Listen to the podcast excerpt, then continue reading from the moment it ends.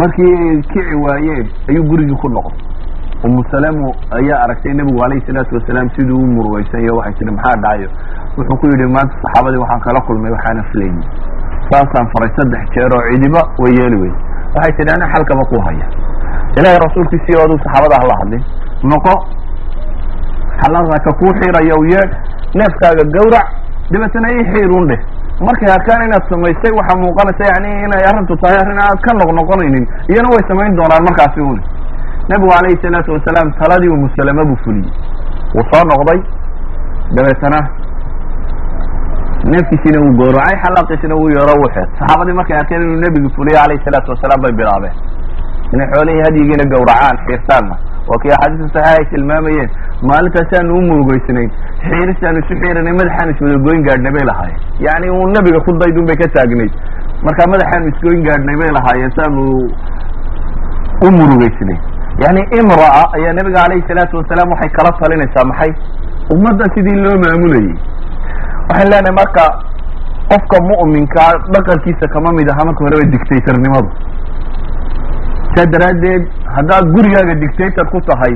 Ummadda haddaad u timaadana saa un baad noqon doontaa. Masaajidka haddaad maamushana saa un baad dadka moodi doontaa. Dumarkaaga iyo carurta saad u waday un baad sodhan doontaa. Adaa madaxaa lagu dhegaysta wax walba yeedhi saad kan ku tahay un baad halkana ku noqonaysaa saa daraaddeed waxaa habboon.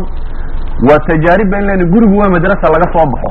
Madrasada haddaad ku guulaysato nin ku noqoto macnaheedu waxa weeyaan bulshada hoggaankeedana nin baad ku noqon karaysaa. Inta ugu badan leh. Walidalik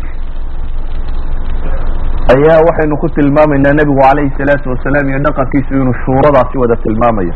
Qofka mu'minkaa markaa waxaa habboon gurigu inuu madax yeesho oo ninku madax ka yihi inuu raaciya leeyaho dumarkii iyo carruurtii oo daaca ay jirto oo odayga la aqbalayo.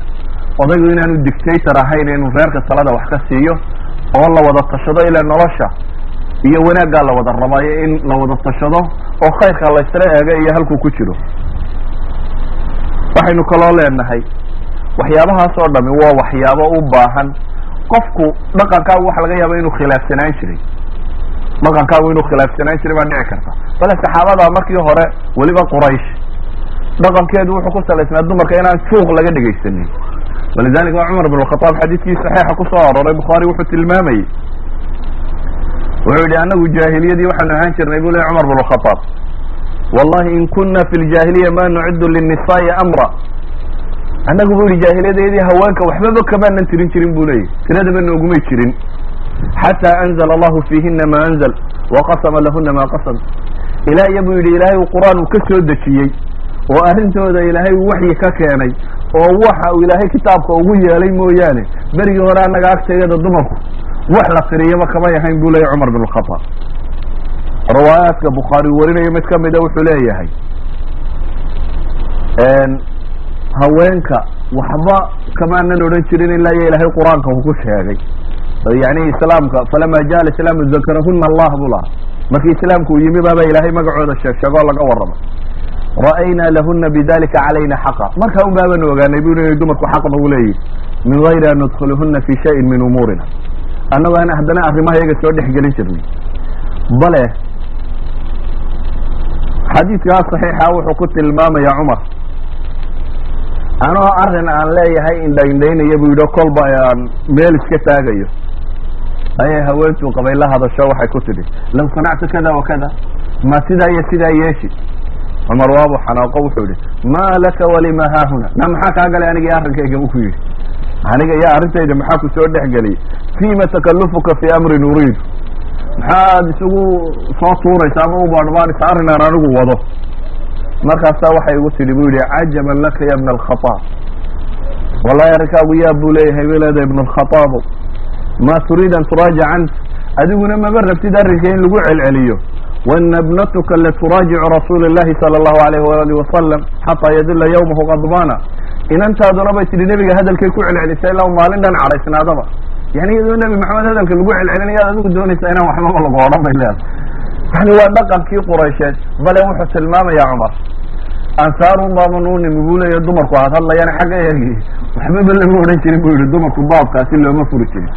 Calaa kulli xaal waxaa habboon gurigu inuu wada tashi ku salaysnaado mas'uuliyadda labaadee ninka waxaa ka mid a alinfaaqu cala lusra inuu ninku dar yeelo reerka oo ilaahay baa wuxuu leeya wabima anfaqu. Waxyaabahan qiwaamada ku siiyey waxaa ka mid ah inaad nafaqo bixinayso. Nebiguna calayhi salaatu wasalaam wuxuu tilmaamayaa ida anfaqa almuslimu cala ahlih wahuwa yaxtasibuha kanat lahu sadaqa. Rawahu lbukhaariyu wa muslim. Wuxuu nebigu leeyahy alayhi salaatu wasalaam qofka muslimkii hadduu ehelkiisa wax siiyo isagoo ilaahay dartii u xisaabsanaya sadaqay u noqonaysa bale wuxuu nebigu tilmaamaya khayru sadaqa ma kana can dahri hina wabda biman tacuul. Xadiisku bukhaari warinayo. Wax la bixiyo waxa u khayr badan baahidaada wixii ka sarreeya. Waxaana ka bilowdaa buu nebigu yihi calayhi salaatu wasalaam cidda maxay? Cidda aada aada mas'uuliyadooda tahay ka bilow bale waxaynu leenahay nebigu calayhi salaatu wasalaam xadiidka imaamu muslim tilmaamaya wuxuu ku tilmaamaya dinaarin anfaqtahu fi sabiili illah wa dinaar anfaqtahu fi raqaba wa dinaar taصadaqta bihi cala miskiin wa dinaar anfaqtahu fi ahlik acdamuha ajra aladi nafaqtahu cala ahlik. Wuxuu nebigu yihi calayhi salaatu wasalaam dinaar aad jihaad ku bixiso iyo dinaar aad qof adoona ku xorayso iyo dinaar aad qof miskiina ku sadaqadaysato iyo dinaarka aad reerkaaga siiso waxa ugu ajar badan buu nebigu yihi kaad reerka siiso. Yani waa waajib weyn oo qofka mu'minkii uu in badan ahmiyadda siiyo. Inaad meel kale horta uga anqal taagine caruurtan iyo dumarkan iyo reerka kan waxa ugu badan ee aad u heli karto inaad iyaga siiso. Waxaan leenahay waa mas'uuliyada ragga saaran gaar ahaan inuu guriga u gacan furaado inaad ku xisaabtanto waxyaabaha qiyaame alla ka abaal marinaya inay tay inaad ku xisaabtanto jihaad fardu kifaaya kugu ama waxyaabo badan oo sadaqaad kalena aad bixiso oo dhan inay ka muhiimsan tahay tan reerka aad siiso awal sadaqa ka ajar badan oo ilahay agtiisa kaga khayr badan inay tahay tan aad kafa bilmari isma buu nebigu tilmaamay qofka waxaaba dembi ugu filan cidduu xilkooda qaaday inuu dayaco. Carruurtaada iyo dumarkaaga inaad gaajisoo dayacdo dembiba intaasaa kugu filan buu nebigu leeya alayhi salaatu wasalaam. Waa mas'uuliye uu u ninku inuu qaado. Waxaan leenahay kuwaasi waa mas'uuliyaadka laga rabo maamulka gurigan in laga helo. Mas'uuliyaad baa jira laga rabo haweentuna si guriga kani uu dhisnaan karo. Ay ugu horeyso inay ninka adeecdo.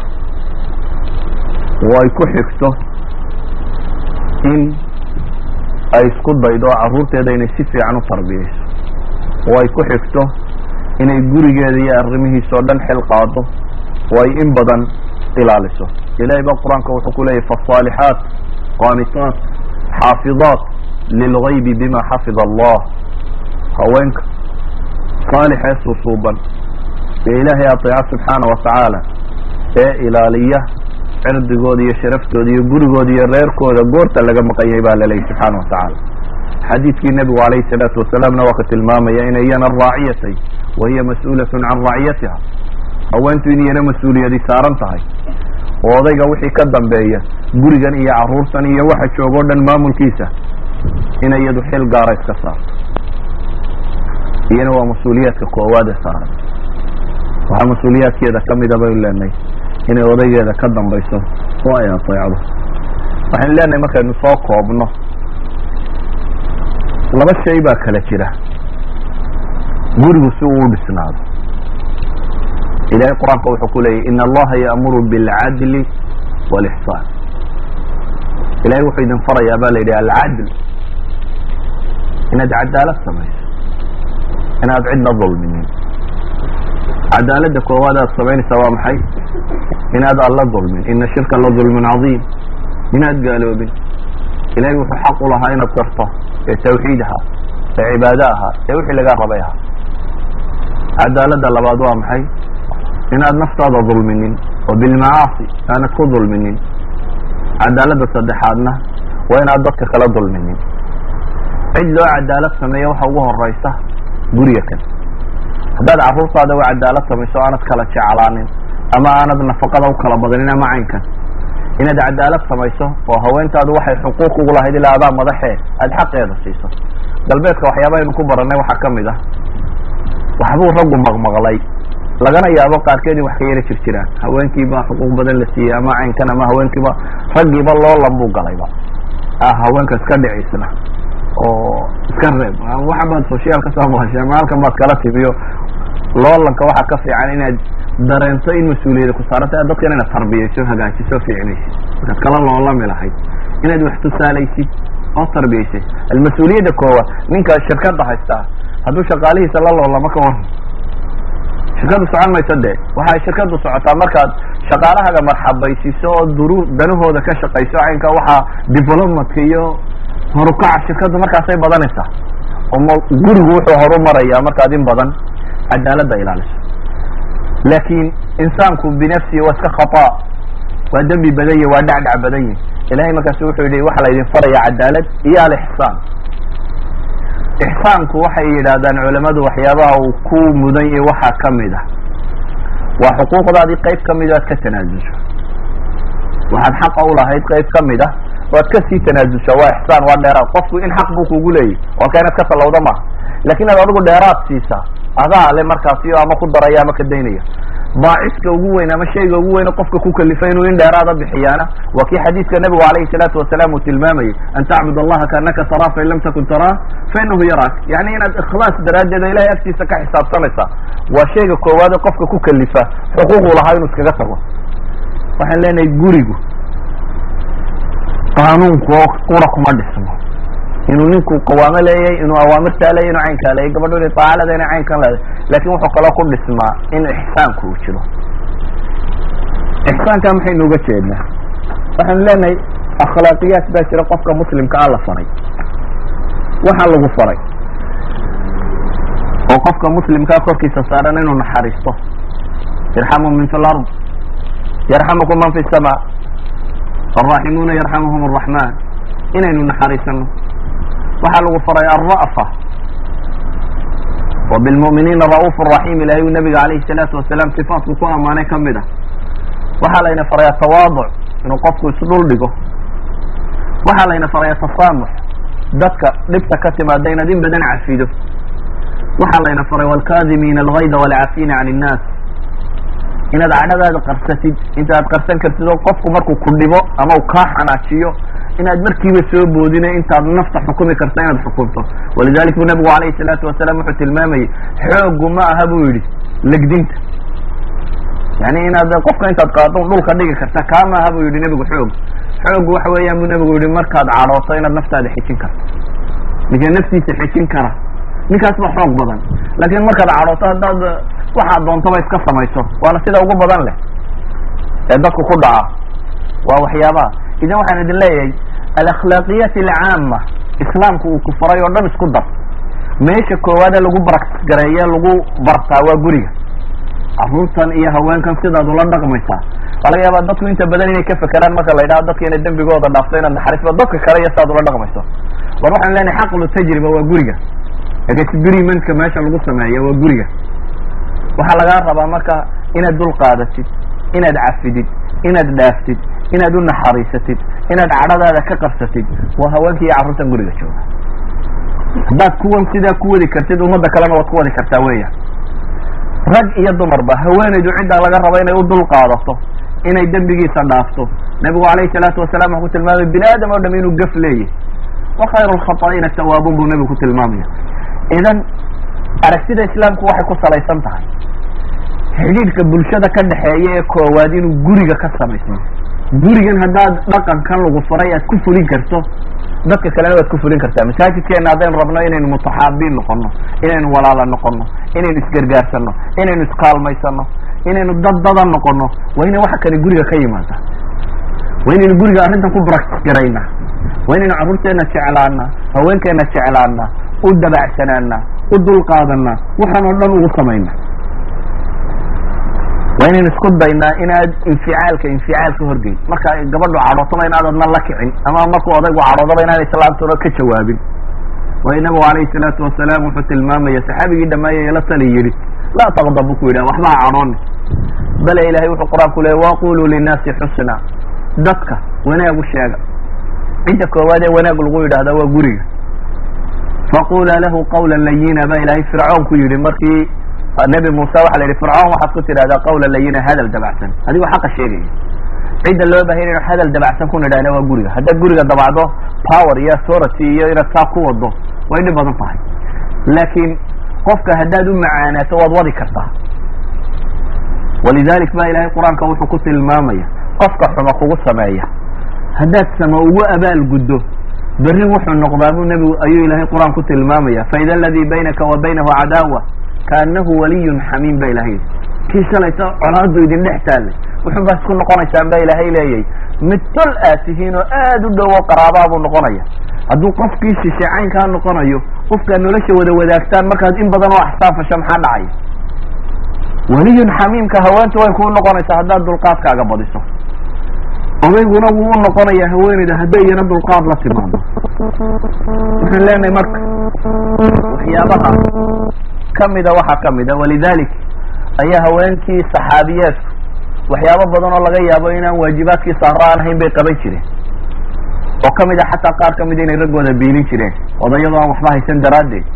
Walidalik ba zaynab gabadhii uu qabay cabdillahi bni mascuud radi allahu canhuma waatii sadaqada rabtay inay baxsatay uu odaygeeda yidhi daanigii carruurta na siiya tidhi may nebigaan soo weydiinaya calayhi salaatu wasalaam nebiga u timiya akhiiran nebigu calayhi salaatu wasalaam wuxuu ku yidhi si carruurta iyo iyo isaga si buu nebigu ku tilmaamaya calayhi salaatu wasalaam waxaad iyaga ku baxsataa sadaqa iyo silaturaximba way ku yihiin sadaqana way kuu tahay qaraabo xidhiidhina way kuu tahay waajib kuma ahayn gabadhu inay quudiso odayga waajib saaran maaha ee ninkuu yahay waajib saaran laakin waa min alixsaan haddii aanu isna waxba haysanin gabadhuna ay waxhaysato markaa hadaanu ninku waxba haysanin gabadhuna ay waxhaysato inay gabadhu ixsaan samayso oo odaygeeda iyo carruurteedaba hadday dhaanto ay quudisaa waa ixsaan loo baahaya inuu la timaado.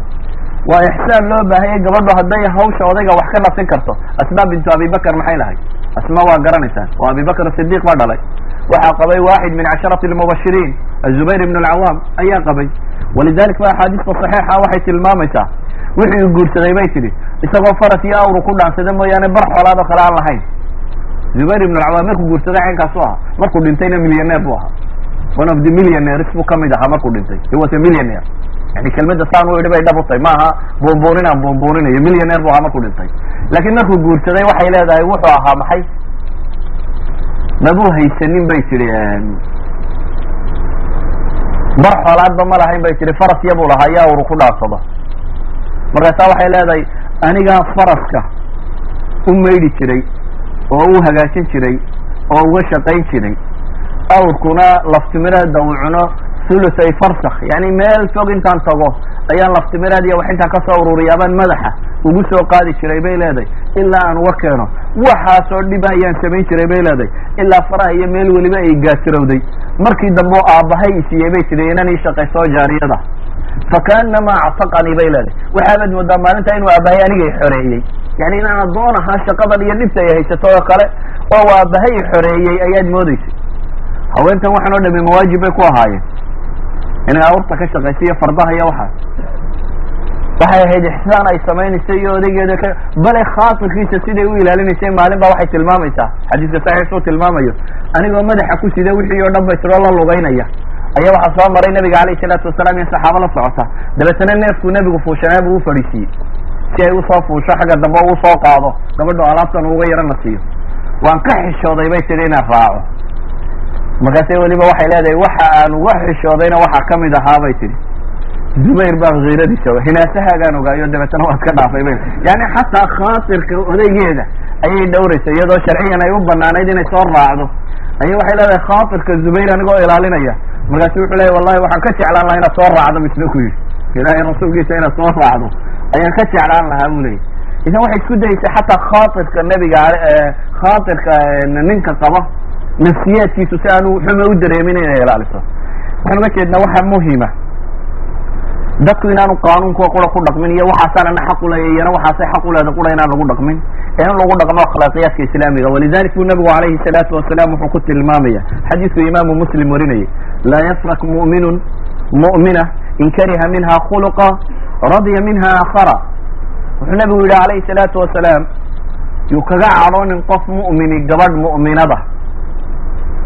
Haddaad wax kaa cadhaysiiyo ku aragto akhlaaq kaloo ay leedaad ku wadi kartaa jirta yacni qofna ma dhamaystirna waa laga yaaba gabadhu inay yaro kulushahay laakiin waxaa laga yaaba intaasoo raganimo oo kale inay leedahay waa laga yaaba odaygu inuu yaro gacan adagya ama yaro hadal adagya laakiin waxaa laga yaaba intaasoo kalen oo dhaqan buu leeyahy saa daraaddeed qof dhamaystirini ma jiro soo heli maysid nin sidii ambiyada u eg ama soo heli maysid gabadh maxay maryama bintu cimraan oo kale ama yani dadkii fiicfiicnaayo dunida way kuwaasi ku yaryihin waxaynu u badannahay dad wanaag iyo xumaba leh qof wada ufina ma jiro inta badan oo mu'mini ee qof waliba meeluu ku fiican yahay iyo meeluu ku xun yahay baa jira. Hadduu ninkuna isku dayo meeshay gabadhiisu ku liidato inuu asturi karo. Gabadhuna isku daydo meesha ninkeedu ku liito inay asturi karto. Gurigu wuu jiraya. Laakin qof waliba haddii bartaasi unu muuqato uu weyneeyo weyneeyo. Soo heli maysid adna mid dhamaystira haddaad waddo oo waddo. Soo heli maysid. Idan dhaqanka muslimku waxaan idin leeyahy waxna waa qaanuun. Qaanuunku waa xuquuq ayuu sheegaa waxa kaasaa xaq u leh waxaana kaasaa xaq u leh. Waxna waa ixsaan. Ixsaankuna waa waxyaabo kamida waxyaabaha layna faray. Waa qaab ay noloshu u socon karto. Walidalik waxaynu leenahay ilahay ba wuxuu qur'aan ku leeyahy wacaashiruuhuna bilmacruuf fain karihtumuuhuna facasa an takrahuu shaya wayajcal allahu fiihi khayra kasiira. War wanaag kula dhaqma ba ilahay leeyahy subxaana watacaala haweenka. Haddaad wax ku nacdaan waxaa la arkaa wax badan oo idinku nacaysaan inuu khayr badani ku jiray khayrka ilahay ba walidalik buu nabigu alayhi salaatu wasalaam gaar ahaan ragga waxaa loo tilmaamaya inaanu haweenka la tirsanin inaanu isku dayin inaanu yani qalooc lagu aro gabadha. Walidalik buu nabigu alayhi salaatu wasalaam isagoo ragga gaar ula hadlaya wuxuu leeyahy istawsuu binnisaai khayra faina almar'a khuliqat min bilcin acwaj isagoo dhaqamada gabadha ka warramayo nabigu alayhi salaatu wasalaam wuxuu tilmaamaya. Haweenka in wanaaga loo sameeyo. War laf qalloocda baa laga abuuray buu nabigu yihi alayhi salaatu wasalaam. Haddaad isku dayda inaad toosisana waad jebinaysaa buu nabigu yihi alayhi salaatu wasalaam ma wada toosi karto. Laakin maxaa la tilmaamaya? Fain istamta fain istamtactum biha istamtactum wa biha ciwaj buu nabigu yihi haddaad rabtaan inaad ku raaxaysataan oo wada noolaataan waa ku raaxaysanaysaan isagoo qalloocuna jira buu nabigu leeyahy yacni nolosha tani waxay u baahan tahay markaasi dulqaad waxay u baahan tahay waayo aragnimo way ka gedisantahy nolosha dhabta ahi way ka gedisantahay hadalkan macmacaane lagu wada hadlo marka la haasaawayo. Ikhwati fi lcaqiida taasaan rabaa inay xoog u ogaataan. Inanka iyo gabadhu markay isbaranayaan wejigan fiicane qof walba xagga sare soo jooga. Qofka marka ay isu tagaan waxa weeyaan gun iyo cidhib tin iyo cidhib baad ogsoonaanaysaa qofkani wuxuu dhaqan leeya o dhan. In badanoo qarsamayd baa soo baxaysa markaas in badan oo isku dayayay dadka inuu ka qariya baa soo baxaysa. Dee qof aa nolosha oo dhan wada wadaagtaan bal qiyaas. Oo laga yaabo sanawaad aad u badan inaad wada joogaysaan idinkoo dhalinyaraa idinkoo muddo-a idinkoo meel dhaxa nooc walba noloshaadii qof kamidoo kula qaatay. Waa wax aad u cajo badan le yani waxa reerku kaa ogaya cid kale kaama oga. Cidna waxaad reerkaaga ka og tahay cid kale kama oga. Mid kula dhashay iyo mid aad dhashay iyo cid kaa ogi ma jirto inta gurigaa iskaga ogtay labadiina. Kale taasi waxay u baahan tahay inay in badan wax asturtaan walidalik buu nabigu alayhi salaatu wasalaam wuxuu mamnuucay sheekada ninka iyo gabadhiisa dhex marta haba yaraata inay cid kale gaadho. Sheekada ninka iyo gabadha dhex marta inaanay cid kale gaadhin. Waxaan leenahay nabigu alayhi salaatu wasalaam isagaa inoo ahaa arajul almithaali aynu wax kasta kaga dayanayno nebi ah. Walidalik nebigu aabbana wuu ahaa oday gurina wuu ahaa. Rasuulla wuu ahaa. Imaam ummadu hogaamiyena wuu ahaa. Wax badan oo lagaga dayda baynu leenahay. Nolosha oo dhan ayaynu u baahanay inaynu kaga dayano waxaa idinkaga filan in yaroo aad daraasaysaan sidii ula dhaqmi jiray haweenkiisii. Waa la cayaari jir. Waa ka qoslin jir. Waa la kaftami jir. Waa la beratami jiray bal aduu qiyaas nebi maxamed oo inan yar la beratamaya calayhi salaatu wasalaam oo weliba iyana inan yar ay tahay. Nabigu alayhi salaatu wasalaam caaisha wuxuu ku guursaday maxay? Da aad u yar. Wuxuu kula guri galay iyadoo maxay ah? Sagaal jir. Waxa uu ka geeriyooday iyadoo ah sideed iyo toban jir. Ayuu kaba dhintay nabigu alayhi salaatu wasalaam waxaad qiyaastaa caaisha oo sagaal jira iyo nebigoo dhowriyo konton jira calayhi salaatu wasalaam oo dabeetana iyadoo ghazwo laga soo noqday uu nebigu saxaabada yidhi sii socda. Caaishuu yidhi ina caaishaa la beratamay markaasay ka dheeraysay. Beri hore inta la beratamay ayay ka dheeraysay. Maalin dambe oo wakti dambe ay soo ghaswo laga soo noqday bu saxaabada yidhi sii socda. Isagii caaisha isku hadhay. Ina beratansii buu ku yidhi nabigu alayh salatu wasala waxay tiri ilahi rasuulkiiyo deemka waa cabsalaha waa mar da-deedu dambaysa. Nabiguna dee lixdaneedkii uu marayo. Waa oday lixdan jira odaygan beratamaya oo nabiga alayhi salaatu wasalaam wuxuu ku yidhi ina beratansii waxay tiri waa cuslaaday imka kula beratami kari ma may buu yidhi waad beratamaysa waa la beratamo dabeetana wuu ka dheereeyey. Markaasu weliba wuxuu ku yidhi nabigu alayhi salaatu wasalaam haadihi bitilka sabqa. Tanti utur buu nabigu yidhi. Berigaad iga dheeraysay taasi waa teedi buu nabigu ku yidhi alayhi salaatu wasalaam. Idan dhaqanka bal qiyaas nabigu alayhi salaatu wasalaam ah siduu u marxabaysiinay ama reerkiisa ula dhaqmayo inuu la beratamo isagoo da'daa jooga inuu ugu yeedho xataa tarkiim isagoo ku sameeya caish inuu ugu yeedhi jiray. Oo yani eray latifana uu ama ya xumayra intuu nebigu u yimaado ku yidhaha alayhi salaatu wasalaam ya xumayra tuxibina an tanzuri an tanzuri ilay xabashi ku cayaaraysa masaajidka oo cayaaro samaynaysa shacbiya. Ayuu nebigu alayhi salaatu wasalaam caaisha oo guryihi nebigu waxay albaab la lahaayeen masaajidka. Ayuu ku yidhi na caisha ma rabta qoladan cayaaraysa inaad daawato. Haa ku yidhi bay dabeetana nebiga isu kay taagay bay tiri waa inta soo daba taagay bay leedahay raggan cayaartay samaynayan warmo iyo waxbay ku cayaarayeen inaan daawado. Markuu isu kay taago kay yaro gaabiyey bay tiri baan halkaa garabkiisa ayaan gadhka soo saaray bay tiri garabkiisa dabeetana dhabankaan halkan ugu qabtay bay leedahay cayaartii baan daawaday. Markaan daawaday daawadayba wuxuu igu yidhi bay tiri marka cabaar daawanayna ma dheragta cayaartii ma ka dheragtay markaasaan idhahdaa bay tiri may anigoo eegayo bal halka aan ka jooga bay leedahay nabigu alayhi salaatu wasalaam sida igu dulqaadanaya ma halka aan ka joogo. Bal waxaa qiyaastaan bay caaisha leedahay inan yar oo cayaar daawanayso nebi maxamedna u taagan yahay alayhi salaatu wasalaam oo u daawisiinayo raggaasi cayaarta cayaaraya. Ilaa aan anigu ka dhergay bay leedahay oo cayaartii intaan ka daalay aan iska fadhiistay markaas. Yani wuu la kaftami jiray wuu la dhaqmi jiray ilaa xad sharaabka iyo waxa la cabayo halka ay ka cabta dhareerkeedu ku yaallaa bu nebigu ka daba cabi jiray halka caaisha iyadoo xaydle weliba inta weelka halkay ka cabtay ayuu nabigu alayhi salaatu wasalaam ka daba cabayay bal eh waa kii xadiiska saxiixa tilmaamaysa caaisha la yihi nebigu muxuu qaban jiray alayhi salaatu wasalaam waxay tihi markuu guriga joogo muxuu qaban jiray? La weydiiyey. Yani suuqa waanu naqaanaa siduu u dhaqme guriga markuu joogo muxuu qaban jiray bay weydiinayaan saxaabadii. Waxay tihi wuxuu ahaan jiray guriga markuu joogo fii mihnati akii buu ka shaqeynay dee reerku caawi jiray bay leedahay. Shaqada guriguu qaban jiray nebigu alayhi salaatu wasalaam markuu guriga joogo laakiin salaada marka la adimo bay leedahay markaas buu soo weysaysan jiro soo bixi jiray. Yani nebi maxamed alayhi salaatu wasalaam ba waxaa lagu tilmaamaya inu guriga ka shaqayn jiro guriga joogi jiray. Waxaynu u baahannahay runtii inaynu daraasa dib ugu noqono waa laga yaaba waxyaaba dhaqanka soomaaliga weliba markaan gaar ahaan u aqaano inuu aada ugu qalqallafsan yahy weliba soomaalida way sii dha kala dhaqana adagta dhaqamada qaarkood. Oday la yidhaaha gabadhaada la burasan inay dhimasha uga sokayso. Laakin laakin waxaa idin leeyahay dhaqanka nebi maxamed alayhi salaatu wasalaam ba ka fiican dhaqankii odayadeena taas waa hubaal. Nebi maxamed alayhi salaatu wasalaam dhaqankiisu inuu ka fiican yahay dhaqankii odayadeena waxaan ku soo koobaya weedho kooban oo ah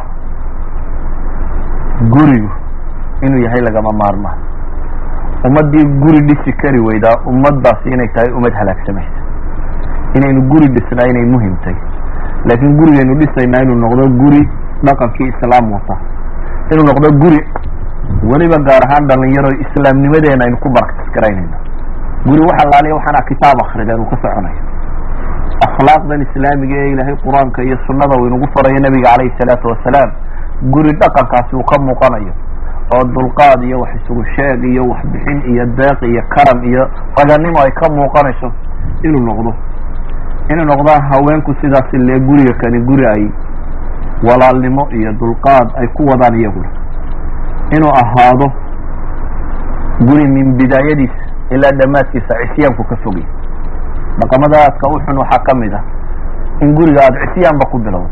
Alla caasi meel aad khayr ka rajaynayso haddaad damdamiyo ku bilowdo muusig iyo habaar iyo waxa alla nacay oo dhan saad baraka uga helaysa saad carruur fiican u rajaynaysa saad khayrka u jeceshay saad ilmo saalixa ku raadinaysa adigoo bilowgiiba ilaahay ku caasiyey.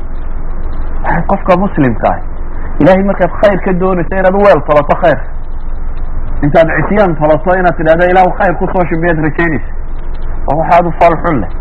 Inaad bidaayadii gurigaagii baad ku bilowdo baar hebel in laga tumo iyo dumar qaaqaawan iyo rag boodbooda iyo hinaa iyo hees iyo muusig iyo waxa kale. Waxay ahayd inaad bidaayada ku bilowdo siduu nebigu ina baray calayhi salaatu wasalaam inaad gabadha sidii sharciga ahayd ku mehersatid weligeedii la weydiisto oo uu meheriyo oo laba markhaati joogaan iclaan loo sameeyo guri guurka iclaanka ugu yari inuu yahay shahaadeyn cadil laba markhaati iyo cadaaladile inay meesha joogaan. Haddii kalena daf iyo wixii la tumi karaya ee diinta ay ogasho qura iyo wixii maxabaysiinayo weliime dadka loo samaynayo. Awlim walow bishaatin buu nabigu yihi calayhi salaatu wasalaam intaad weliime dadka muslimiinta u karta inaad u inay wax oo dhami sharciga waafaqsanaadaan. Farxaddaada iyo raynrayntaada inaanay macsi noqon. Waxa kala gedisan umamku siday farxadda iyo raynraynta u matalaan. Masalan dadka muslimiinta ilaahay wuxuu faray ayaamo ciid la yidhaahdo. Ciiddu mataqaana waxay tahay waa farxad iyo raynrayn uu qofka muslimka ku farxayo ku raynraynayo.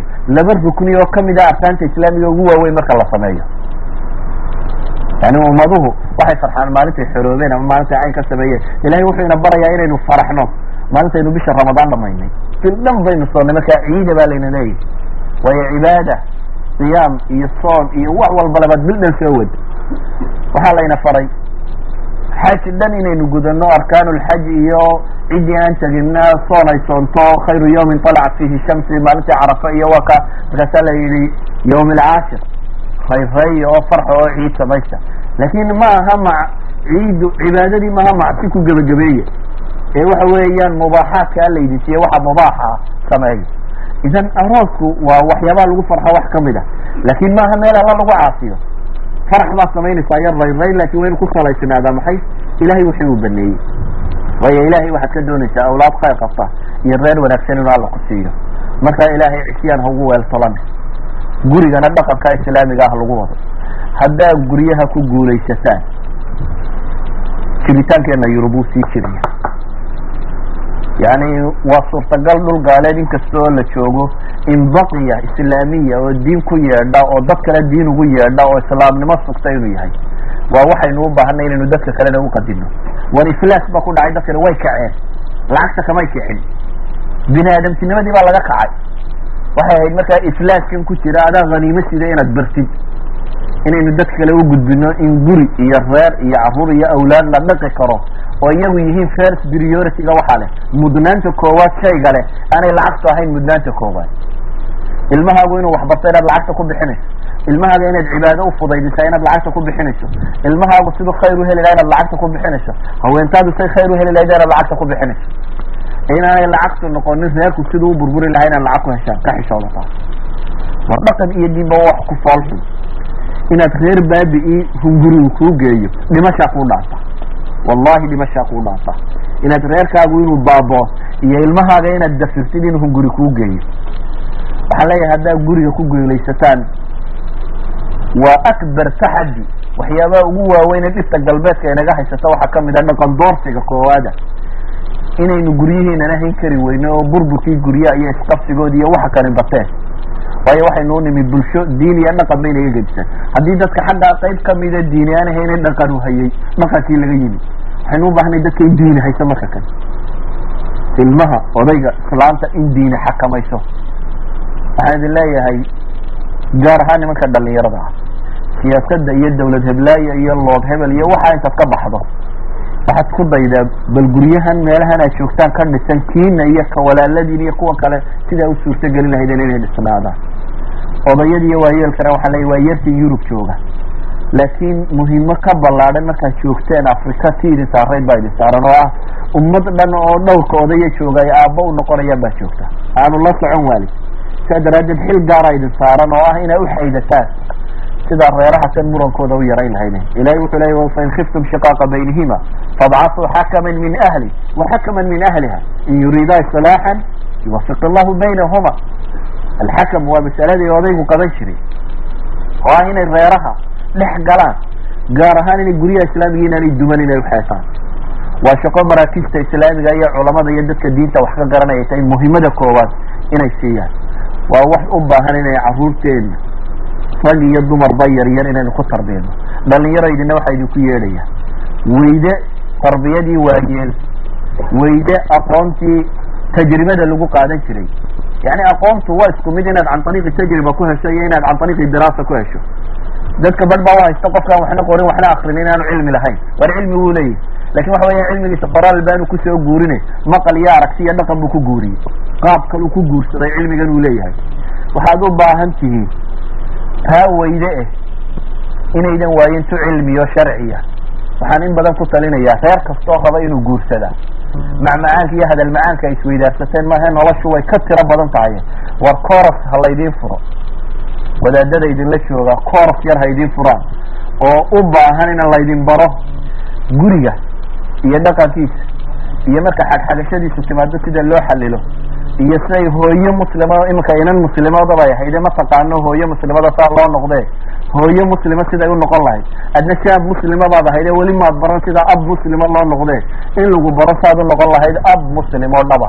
Waa tajriba runtii u baahan wakti dheer.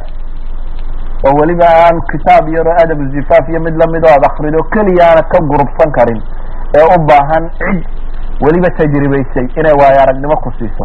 Idan idinkanaba wax badan waxaa idinkula talin lahaa. Arooska hortii kuush qaata ama dabadiiba qaata laakin inaan kuushalaan aydan dhicin small course ina qaataan bil laba bil bini aadamka waxaynu ku naqaanaa weska markaynu joogno shaqo qof ma qabto ilaa iyo inuu ama jaamacad ama daraasado dheer haddii aanu lahayn waxaa la siiyaa maxay training course baa la siiyaa qof kasto dhulxaadka training course baa loo qaata saxinka maaha dhulxaadku waa wax qof kasta bini aadam uu samayn karo laakin waktiga ugu yar iyo sida ugu fiican si aad u samayso si aan mafiiqda dhabarku kuugu jabin adigoo dhabarkaagu straight uu yahay oo aan laba bilood markaad xaaqday maana dhabarka uga jabin ayaa waxaa la sameeyaa course courseska qaar ma afar bilood socda sunta lagu maydho sumaha si ay u kala gedisayin kuwa dadka caafimaadkiisa waxyaala jidhkaaga sida ugu fiican waktiga sida ugu fiican aad u ilaan waa tajribe bini aadam intuu tajribeeye in la ururiye cilmiga la sheegaya. Saa daraaddeed war hadduu dhulxaadku course u baahan yahay ma waxaa umalaynaysaa guri dhan iyo carruur si loo tarbiye reer si loo haya inaanu course u baahnayn. Waxaan idin leeyahay course wax ka badan buu ubaahiya haddaa cilmi badan baran kari weydeen war course yaroo toddobaad laba saddex toddobaada gala intaydan guursanin wallahu aclam wabilahi tawfiiq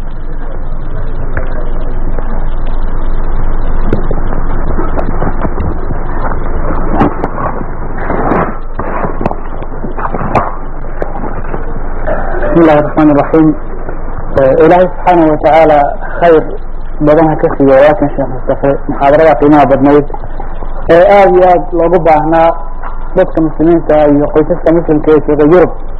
Wax badanna uu inoo faa'iideeyey. Iyadoo ay ku dhamayd muxaadarada sheekh wax badan loo baahnaa. Iyo haddana dadku way iska su'aal jecel yihiin kiis su'aala oo mawduucii muxaadarada ay socoto intay socoto laga jawaabi uu soo arooray.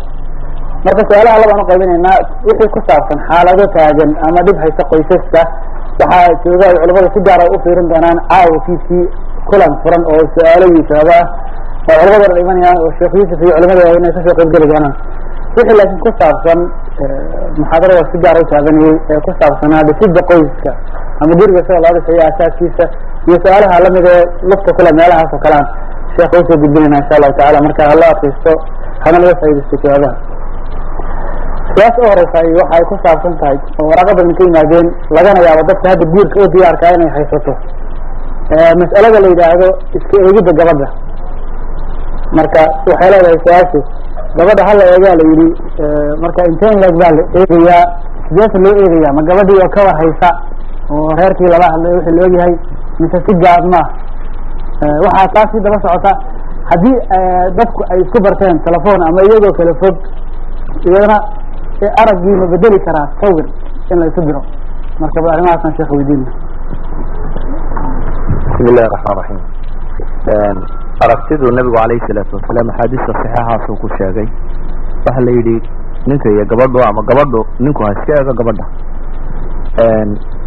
Maadaama la rabo ninku inuu gabadha iska eego wuxuu nabigu calayhi salaatu wasalaam u sheegay saxaabadiisii in ninku gabadha iska eego. Intee la eegaya? Alasl fuqahadu isku waafaqsantahay marka hore waa wejiga iyo labada gacmood. Oo ay yidhaahdaan wejiguna khilqada caam ahaan qaabkay u eg tahay buu tusaale ka noqda. Gacmaha iyo intanina luyuunada iyo jirka dabacsanidiisa iyo noocu yahay ayuu tusaale ka yahay bay culamadu sheegaan. Ma intaasoo qura mise in dhaafsiisan baa jirta? Xadiisku wuxuu sheegayaa wax kasta oo kugu yeedha gabadha guurkeeda. Walidalik ba jaabir ibn cabdillahi saxaabiga la yidhah waxa laga warinaya gabadha uu rabay inuu guursaday inuu u gagaban jiray oo meelaha isugu nanabi jiray si uu gabadha u arko. Culamada badh baa qaba in inta caadiga iska noqon karta gaar ahaan masalan meelahan gacmaha iyo inahan hadduu ka yaro halacsan karo inay iska banaanaan karto bidaliili hadi axaadiid iyo waxyaabo kale ay isu geegeeyaan. Ra'yiga ibnu xasame isagu inta ka fog fog sheegaya male waa yaro baciid.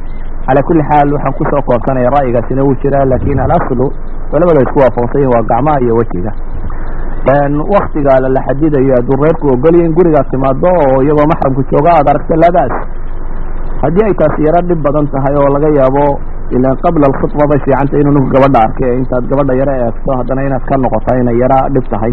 Iyadoo aanad waxba guurka u sheegin meelaha inaad ka yaro halafsataa ka sii roon kole arigan ra'yigayga waayo waa yaro nafsatan baa laga yaaba inay ku keento gabadha muslimadda ama ninka muslimka inanta muslimadda intaad timaado oo tidhaa gabadha hala iska haddana inaad yaro baxsato inkasta aanay dhib ahayn diin ahaaneyd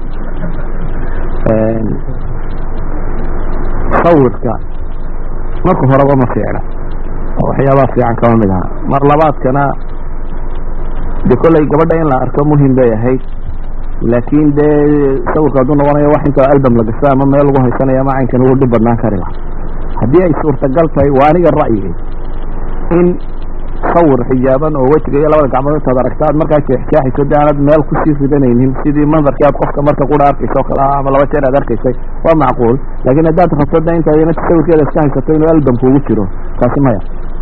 Marka sida badan kuma taliyeen laakin in qofka si dhaba loo arkaaba ka fiican sawirka. Wallahu aclam. Jazaaka allahu khayran. Su'aalaha labaad waxay ku socdeen isla baabkaa hore isu diyaarinta guurka waxayna yihiin xidhiirka waxaa la yidhi waxaa sheekhu uu sheegay in ay habboon tahay in da labada qof ay isbartaan inta aanu guri aroosku dhicin ama guurku dhicinba. Marka xidhiirkaasu intee leeg buu leegyahay dadka qaar baa raba muddo badan inay isbartaan dadka qaarna muddo gaaban iyadoo dadkii muddo dheer isbartayna ay dhacdo mararka qaar in markay isguursadaan kadib ay hore ka soo kala boodayaan. Dadka waktiga yare sida islaamku iyo adaabta ay dhigayso isu arkay inay guurkooda waarayo. Marka arrintaas bal wax ka dhe sheekhu telefoonka badan kuma taliya sababtu waxa weeyaan riqaabadiisa ayar waxaan u leeyahay riqaabadiisa ayarna waxaa jirta. Labada qof marka ay sarkaan hadallo badan oo aanay iskula dhicin baa telefoonka dadku iskula dhaca waana xaqiiqa aan ogahay waan qurux badnay. Ninka iyo gabadhu haddii aanay isqabinna ilaahay wuxuu faray inaan hadalka laysu jejebin falaa takdacna bilqowl fayatmaca aladi fii qalbihi marad hadalka hoos ay jejebinina baa ilahay dumarka faray si aanu ka qalbiga ka bukaa idinkii yani idin damaacinin amase idin hunguraynin. Waxaan taa u sii tilmaamaya waxay tahay waxa aniga ila qurux badan in wajhun liwajh uu noqdo qofku hadalka uu qofka kale kula hadlayo. Sideedabana marka hore aan dadku isqabin rag iyo dumarku hadalka lagu wada hadlaya waa inuu la mid noqdaa hadalka ay yidhaahdaan culamada qaarkood waa economical negotiation oo kale. Qof markaad wax ka iibsanaysa maxaa tidhahdaa shaygani waa imisa? Waa intaa kaa siin maayo iga sii wax iga dhin waa hadal aan dan kale laga lahayn. Ee danta laga leeyahay oo dham ay tahay un in la gaadho maxay qiimaha shayga kale oo gabadhu hadduu wax kaa iibin toona hadduu hadalka noocaasi kugula hadla aan hunguri badan. Laakiin hadalku hadduu qosol qosol iyo jilsilcin iyo waxaasi uu galo ma aha kii la rabay. Saa daraaddeed sheekada badan ee dhalinyaradu telefoonada ku sheekaysa kuma talinayo.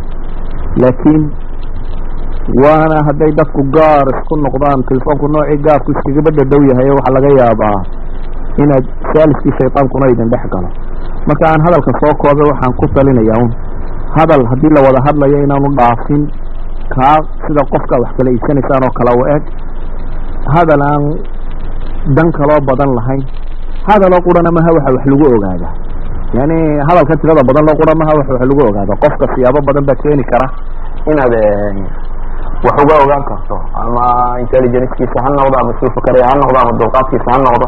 Waxaana weliba ka sii khayr badan waxyaabaha dadka khubarada ee kaaga waramaan eedada habaryarta walaasha dumarba dadka ugu badan la dhaqmo dhaqankii soomaaliyeedna waxaa aan jiray inanta marka reerku u soo ogaada unba inta badan uu ninkuna markaa iska soo eegi jiray ama utegi jiray. Saxanka ugu badan ee raggu dirtaa waxay ahaan jireen maxay? Dee dadka tolka iyo ehelkaba kuwa ah ee khayrkana kula qaba kaa ogaan kara inanta oo dhaqamadeeda ay leedahay o dhan. Marka waxaan idin odhan lahaa usluubadeenii hore ka qurux badan. Usluubka telefoonka wallahu aclam jazaka allahu khayran. Su'aalaha soo socdaay waxay ku saabsan yihiin. Gabadha muslimadda maalka ay iyadu iska leedahay ama si gaar ay uhesho ama ha shaqaysatabe. Iyo awoodda in awood intee leeg bay ku leedahay gabadhu maalkeedaas tasarufkiisa ma waxay say doonto ka yeeli kartaa mise waa mid loo baahan yahay inay ninkeeda markasta kala tashato? Haddii uka ninkeedu uu usan jeclayn siyaabaha qaar inay ku tasarufto ma ka yeeleysaa oo ma ku adeecaysaa arrinka? Mise waxaan anaa iskale bay leedahay shaqo kuma lihid asalka waxa weeyaan dadka muslimiinta ee guri ku wada nool ee nolosha o dhan wada wadaaga inay wada tashadaan taasi waa asal asal labaad oo jira isna ah qof wal oo muslim waa xuquuqdiisa gaarka inuu leeyahay. Taasina waa asal in saddexaad baa jiro ah. Axaadiis baa nabiga ka soo arortay calayhi salaatu wasalaam tilmaamaysa gabadhu keligeed inaanay maalkeeda ku tasarufin ee inay odaygeeda wax ka weydiiso.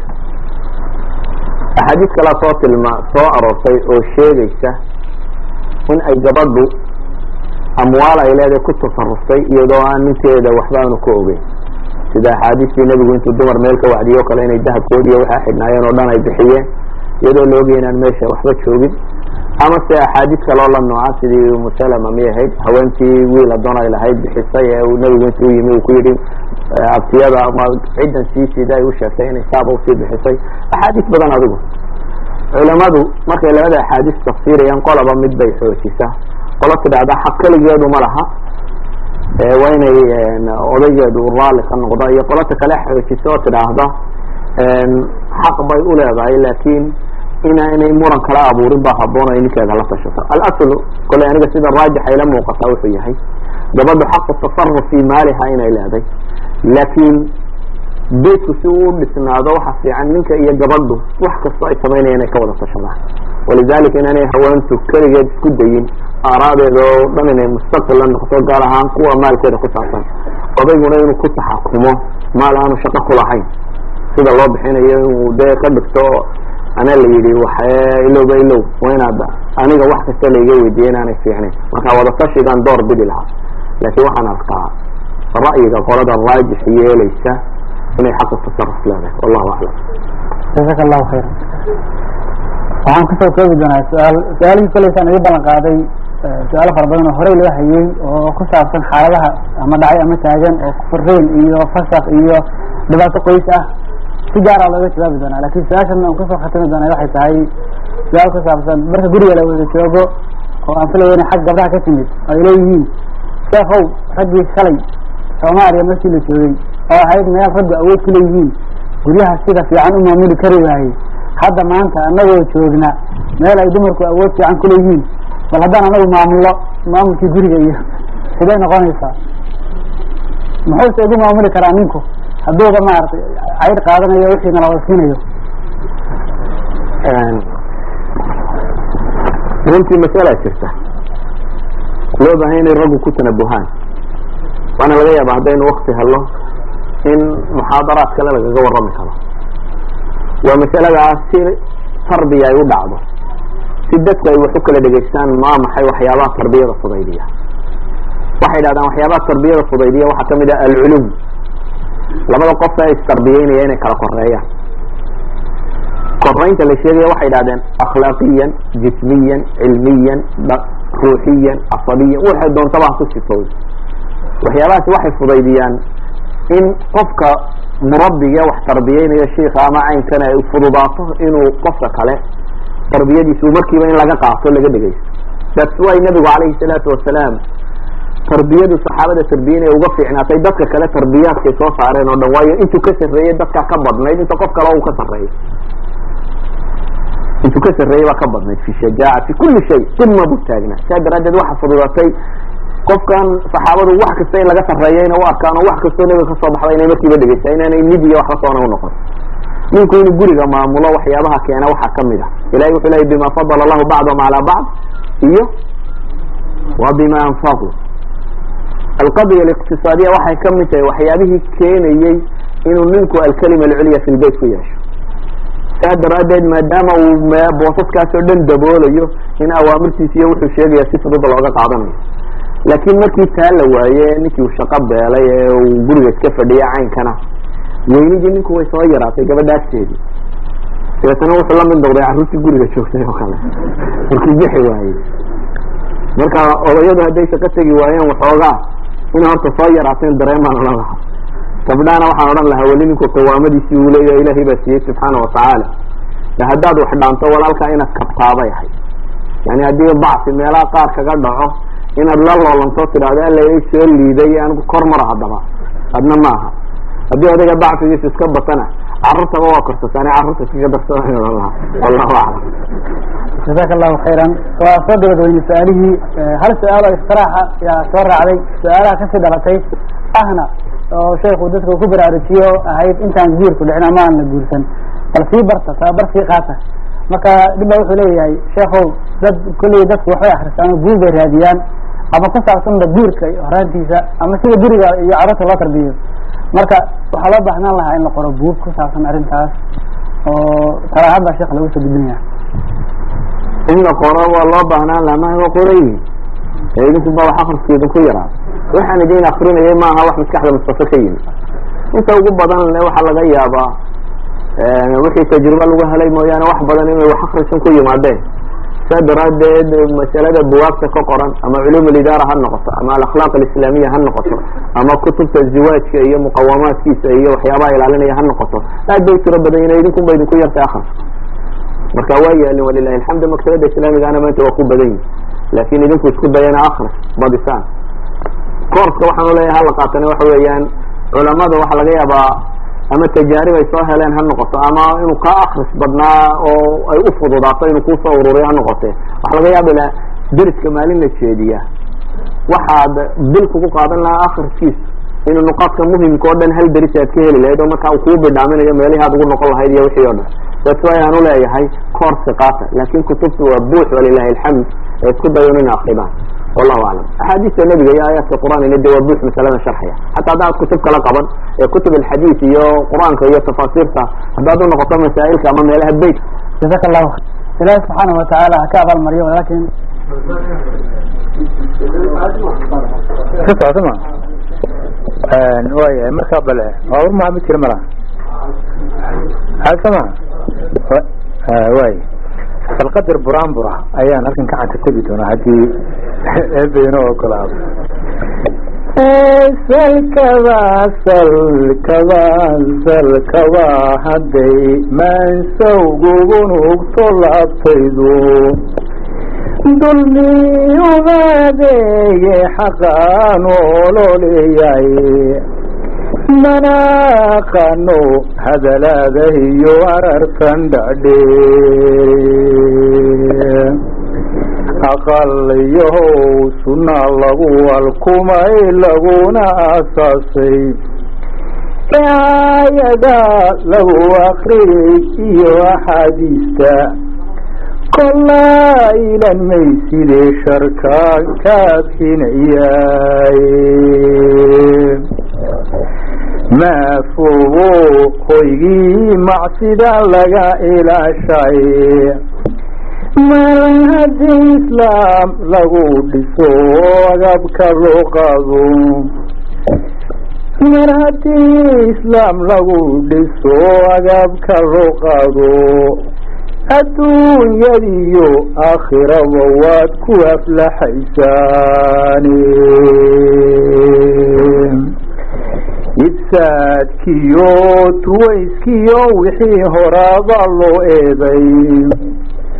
Orgiida riyaax lagu dariyo gaalisu ekayntu iska daysay soomaalidii ku ibtilaysnayde agagaarka hoygiyo golaha eega waxaa jooga haddaan egayaad migan fadhiya maan ilaaliyey waa ahlu diinkiyo gabdhihii adabta fiicnaaye addoonkuma tuugine rabbi baan ku egmanayay addoonkuma tuugine rabbi baan ku egmanayay aroos yahow allaan ku baryaye udubadi raga inshaa allahu waxaan eegayaa inaad ahataay